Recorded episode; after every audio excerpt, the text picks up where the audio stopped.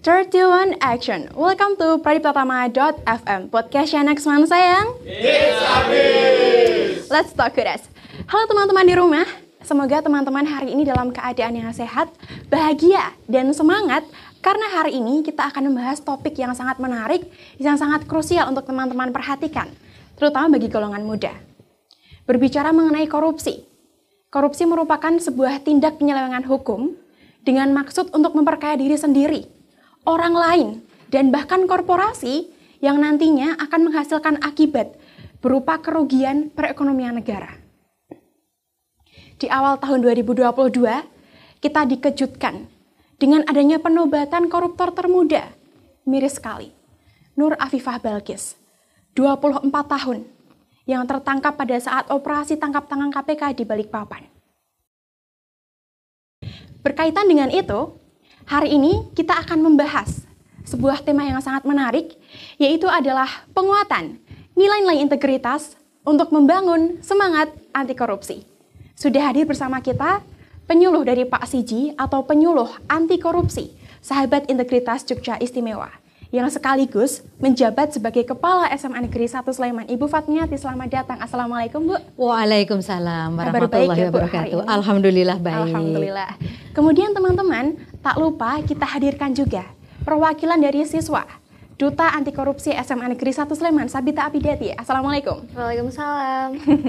Kabar baik ya Bita hari ini? Alhamdulillah baik. Alhamdulillah. Bufat dan Bita, tadi saya sudah sempat menilik ya mengenai kasus korupsi di Indonesia. Memprihatinkan sekali. Ternyata sepanjang tahun 2021 kita mendapatkan 553 kasus korupsi yang didata oleh ICW.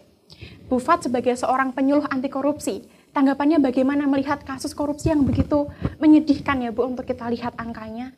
Silahkan Bufat. Iya, eh, sangat memprihatinkan. Kasus korupsi yang ada di Indonesia. Bahkan tadi disampaikan ada eh, koruptor termuda. Nah, ini seakan-akan kok ada regenerasi koruptor. Yeah. Nah, ini sungguh sangat memprihatinkan. Nah, saya dari eh, anggota Pak Siji ini ingin berupaya bagaimana kita bisa menyadarkan.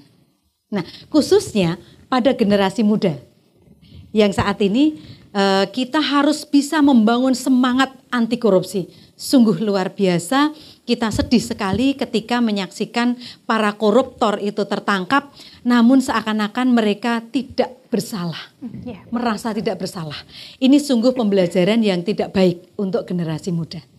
Ya, begitu ya teman-teman. Berarti koruptor ini saya ingatkan lagi bahwa koruptor merupakan, mohon maaf korupsi ya, merupakan sebuah kejahatan yang termasuk dalam kejahatan extraordinary atau kejahatan luar biasa. Kemudian Bita sebagai seorang siswa dan bahkan duta anti korupsi, tanggapannya bagaimana melihat ada 553 kasus sepanjang tahun 2021? Oke, jadi uh, saya cukup prihatin ya tentang adanya kasus korupsi di Indonesia sendiri karena seperti yang kita tahu bahwa dana-dana yang diambil itu merupakan dana yang seharusnya digunakan untuk memajukan dan juga menyukseskan bangsa kita yaitu bangsa Indonesia. Nah, dikutip dari Indonesian Corruption Watch, terdapat 1,6 triliun rupiah yang dikorupsi dari bidang pendidikan. Padahal seperti yang kita tahu bahwa e, banyak sekali sekolah yang membutuhkan dana-dana seperti BOS, kemudian untuk fasilitasnya sendiri itu sangat dibutuhkan, malah dikorupsi. Kemudian juga ada korupsi di bidang ekonomi, kemudian di bidang pembangunan yang pastinya sangat berdampak negatif bagi kita. Mau mohon maaf sebagai pelajar ataupun sebagai masyarakat biasa. Ya betul, berarti memang memprihatinkan sekali untuk menilik sebegitu banyak kasus korupsi di Indonesia. Padahal jelas mereka yang melaksanakan merupakan sebuah masyarakat yang menjadi petinggi lah istilahnya untuk sebagai penyelenggara kegiatan masyarakat begitu. Kemudian Bufat, Pak Siji, penyuluh anti korupsi sahabat integritas Jogja Istimewa. Nah, forum ini apakah merupakan forum yang resmi dari KPK atau merupakan forum yang dibentuk oleh sekumpulan tenaga pendidik kemudian menjadi forum yang memang fokus untuk menyuluh anti korupsi di Yogyakarta? Iya, e, berbicara tentang Pak Siji, ini sebetulnya adalah suatu forum komunitas. Forum Komunitas Penyuluh Anti Korupsi di daerah istimewa Yogyakarta yang kita kenal dengan um, nama Pak Siji. Yeah. Nah, ini betul-betul resmi. Bahkan kemarin kita belum lama ini kita dikukuhkan oleh gubernur dan dihadiri oleh eh, anggota KPK dari pusat Jakarta. Oh, Nah, gitu. Pak Siji ini ini merupakan suatu forum di mana anggotanya ini sangat bervariasi. Bisa politisi, bisa birokrat, bisa ASN, bisa pendidik, bahkan bisa masyarakat. Wah, berarti tidak Ya. hanya seputar tenaga pendidik, namun bahkan pihak-pihak yang sangat erat kaitannya dengan korupsi ini juga dikaitkan ke dalam Pak Sijing ya, Bu? Betul, diwadahi, diwadahi betul, di dalam diwadahi. forum Pak Siji. Pak Siji, Ya. betul. Nah, kemudian sebagai seorang sebagai forum anti korupsi yang memang untuk mencegah ya Bu, fokusnya bukan untuk menanggulangi, tapi untuk Betul. mencegah, sekiranya program kerja apa yang dalam tanda kutip ditawarkan kepada masyarakat, kepada para pelajar untuk mengusung, membangun semangat anti korupsi. Ya, Eh, program-program yang dilaksanakan oleh Pak Siji ini berawal dari visi, Oh, ya. visi yang dimiliki oleh Pak Siji. Bahwa Pak Siji ini memiliki visi membangun bersama semangat anti korupsi dan integritas. Sehingga untuk mencapai visi tersebut, ini Pak Siji memiliki program-program. Nah, di mana program-program ini nanti akan bergerak bersama-sama, kemudian menegakkan integritas, semangat anti korupsi di lingkungan daerah istimewa Yogyakarta. Wah, berarti cocok sekali dengan tema podcast kita hari ini ya Bu, mengenai Betul. integritas untuk membangun semangat anti korupsi. Ketika di kota Yogyakarta, Provinsi Yogyakarta kita punya Pak Siji. Di SMA Negeri 1 Sleman kita punya Duta Anti Korupsi, Sabita. Iya. Nah, untuk program kerjanya apa yang ditawarkan Duta Anti Korupsi kepada siswa? Oke, jadi Duta Anti Korupsi SMA Negeri 1 Sleman sendiri sudah merencanakan beberapa program. Yang pertama itu adalah kunjungan ke Kejaksaan Kabupaten Sleman. Nah, dari program ini diharapkan untuk duta-dutanya itu bisa mengetahui program kerja kejaksaan apa saja sih yang relevan di jenjang sekolah seperti itu. Berarti kita eh, memberdayakan terlebih dahulu duta-dutanya, kemudian Betul. baru kita implementasikan kepada siswa-siswi SMA Negeri 1 Sleman, gitu Iya, ya? betul sekali. Kemudian yang kedua kita juga mempunyai lomba poster anti korupsi yang bekerja sama dengan Panitia HUT untuk memperingati ulang tahun SMA Negeri 1 Sleman yang akan dilaksanakan besok bulan Juli. Kemudian kita juga ada penyuluhan paham anti korupsi kepada peserta didik baru SMA Negeri 1 Sleman yang akan dilaksanakan pada saat MPLS. Nah, tujuannya ini tuh adalah untuk memotivasi peserta didik yang baru masuk ke SMA Negeri 1 Sleman tentang paham anti korupsi juga menerangkan bahwa SMA Negeri 1 Sleman ini adalah sekolah yang bebas akan korupsi seperti Baik. itu. Kemudian yang terakhir kita juga ada seminar anti korupsi yang sasarannya untuk kelas 10 dan juga kelas 11. Itu akan dilaksanakan pada bulan November dan dalam rangka untuk memperingati Hari Anti Korupsi Nasional di Indonesia yang jatuh pada Desember. Nah, nanti untuk narasumbernya kita bisa mengambil dari luar, mungkin bisa mengambil dari organisasi yang Bufat ikuti yaitu Pak Siji atau mungkin kita mengambil dari kejaksaan di Kabupaten Sleman. Seperti itu, Kak. Oh, baik, berarti memang eh, program kerjanya dikemas dengan menarik supaya pada saat direalisasikan pada siswa itu juga merasa tertarik untuk mengikuti, begitu ya? Iya, betul sekali. Kemudian kita kan memang hari ini sangat berkaitan erat dengan siswa, kemudian dengan anti korupsi. Saya penasaran ya Bu, mungkin teman-teman di juga penasaran, apakah ada kemungkinan, ada potensi siswa melaksanakan korupsi? Iya, em, sebagai anak muda, sebagai pelajar, kadang tidak merasa, kadang tidak merasa bahwa dirinya eh, telah melakukan apa ya perilaku perilaku yang mengarah pada korupsi. Korupsi. Contohnya, hilangnya sifat jujur ketika eh, siswa itu mengerjakan soal Aduh, siapa ini ya? mencontek. Nah, ini adalah perilaku yang mengarah kepada korupsi.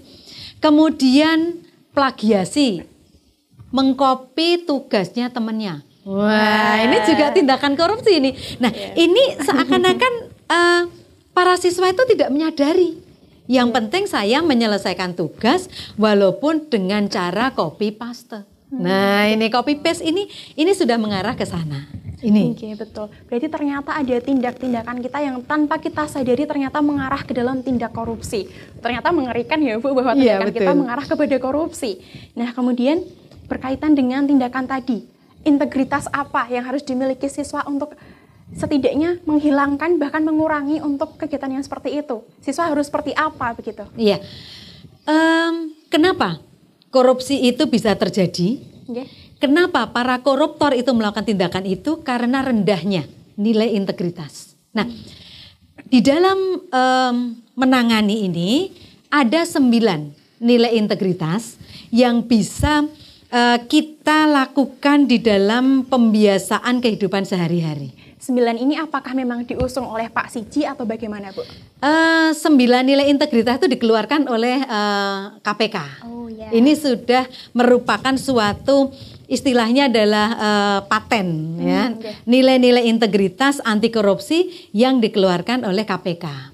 Nah, di sini supaya teman-teman kita ini lebih lebih bisa eh, pertama adalah mengenal dulu apa sih itu nilai-nilai integritas gitu ya karena tadi ada sembilan nilai integritas ya. Iya. Nah, ini eh, Bufat akan berikan jembatan keledai.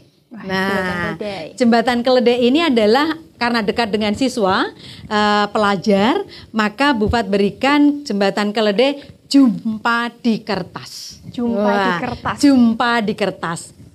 Ju, ya apa eh, ini ya jumpa di kertas ya atau eh, di sini ju ini adalah eh, berjumpa maaf maaf berjumpa di kertas. Oke, berjumpa nah, di kertas. berjumpa di kertas. Oke. Nah, di sini ada kata-kata ber, berarti berani. Nah, kemudian ju, jujur. Nah, berkata jujur. Kemudian M di sini adalah mandiri. Oh ya. Nah, kemudian ada P di sana, peduli. Kemudian A di sana, adil. Kemudian di kertas. Di di sini adalah disiplin. Nah, disiplin. Kemudian ker di sana ada kerja keras. Nah, kemudian tas di sana ini ya tanggung jawab. Hmm, ya betul. Dan akhirnya sederhana. Sembilan nilai integritas yang harus menjadi budaya kita dalam kehidupan sehari-hari. Sembilan integritas itu kemudian ketika kita budayakan melalui contoh nyata apa Bu untuk mengimplementasikan sembilan integritas ini ke dalam kehidupan kita sehari-hari. Baik, sebagai seorang pelajar ya, jujur. Ya kalau mengerjakan tugas itu harus jujur. Dikerjakan sendiri. Oke. Nah, itu ya. Berani. Nah, tadi berani, maka siswa itu harus berani mengatakan yang benar. Ada jiwa keberanian, ada karakter eh, berani mengatakan bahwa kalau itu salah ya katakan salah, kalau itu benar ya katakan benar. Nah, ini. Kemudian eh, kita bisa mandiri. Nah, mandiri di sini ini eh, kita melakukan semuanya jangan terbiasa tergantung dengan yang lain. Wah, di sebelah saya kan anak pinter. Ngerjakan tugas, nanti saya eh, ini aja lah, kopi aja. Nah, ini eh, artinya tidak mandiri. Peduli misalnya, ini kita peduli terhadap teman-temannya. Kita kan punya eh, dulu kita pernah punya ya eh, apa ini Jumat berkah. Nah, bagi teman-teman yang tidak apa ini membawa bekal, nah kita bisa apa Bagikan, berbagi oke. kepada teman-teman. Kemudian adil, kita harus bersikap adil dalam memutuskan sesuatu. Ini kita jangan sampai didasarkan pada like dis- eh, like dislike. Suka dan tidak suka. Ah, aku nggak suka deh sama si Budi, maka aku akan eh, memperlakukan dengan tidak adil. Nah, ini jadi kemudian kerja keras. Bila kita ingin berhasil, harus ada kerja keras. Ya, jangan kita itu eh, santai-santai. Nah, ini kerja kerasnya. Kemudian tanggung jawab setiap apa yang diberikan em, apa instruksi atau ketugasan gitu ya atau tantangan, maka kita harus laksanakan eh, dengan tanggung jawab. Nah, sederhana di sini, ayolah kita eh, di dalam kehidupan sehari-hari tidak usah berfoya-foya. Seperti tadi ya, eh, koruptor termuda itu alasannya dia ingin hidup berfoya-foya. Nah, maka kita terapkan eh, integritas kesederhanaan. Itu implementasi di dalam kehidupan sehari-hari. Ya, berarti memang sembilan integritas ini saling berkesinambungan supaya bisa membentuk semangat anti korupsi dan mencegah terjadinya korupsi sejak dini. Kemudian kembali kita ingat Bu Fat sebagai seorang penyuluh Pak Siji, sekiranya program kerja apa yang mungkin akan Bu Fat implementasikan ke SMA Negeri 1 Sleman di samping adanya duta anti korupsi? Iya. Uh, Tadi sudah disampaikan oleh Sabita ya, ya, yang apa di mana Sabita ini merupakan salah satu duta anti korupsi dan sudah memiliki program-programnya. Nah, khusus untuk Pak Siji di Kabupaten Sleman, ini nanti di dalam merealisasikan program kita bergabung uh, anggota Pak Siji yang ada di Kabupaten Sleman. Hmm. Ya pada saat nanti kegiatan MPLS kita akan bertukar Mungkin penyuluh anti korupsi seperti Bufat di SMA Negeri 1 Sleman, Bufat tidak menyuluh di situ. Tapi Bufat akan menyuluh di SMA 2 misalnya, SMA Depok misalnya, dan juga eh, teman-teman yang tergabung di dalam uh, Pak Siji di Kabupaten Sleman. Ya, Jadi gitu. melakukan penyuluhan uh, secara ini ya apa disebar di berbagai sekolah. Ya, berarti gitu. sudah tidak dalam satu sekolah ngoten ya, Betul. Cakupannya. Ya teman-teman di rumah, jangan ke mana-mana, karena setelah ini kita akan masuk ke segmen yang kedua, di mana segmen ini merupakan segmen yang menarik karena kita akan menjawab pertanyaan-pertanyaan yang teman-teman ajukan di pritatama.event. Oke, kita masuk ke segmen yang paling ditunggu karena segmen ini akan menjawab seluruh rasa penasaran teman-teman. Jadi hari ini kita akan diskusi meskipun tidak secara langsung, tapi teman-teman yang mengajukan pertanyaan melalui Instagram akan kami bacakan di sini. Ada tiga penanya yang terpilih. Untuk pertanyaan pertama bisa langsung dibacakan, Bu Fat? Ya, bisa. Silakan. Oke. Untuk pertanyaan yang pertama dari Ed Katayule. Pertanyaannya adalah perilaku di kalangan pelajar yang mencerminkan korupsi tetapi tidak disadari dan contohnya. Tadi sudah sempat saya singgung ya, disinggung sama-sama tapi diperjelas kembali. Monggo Bu Fat. Iya.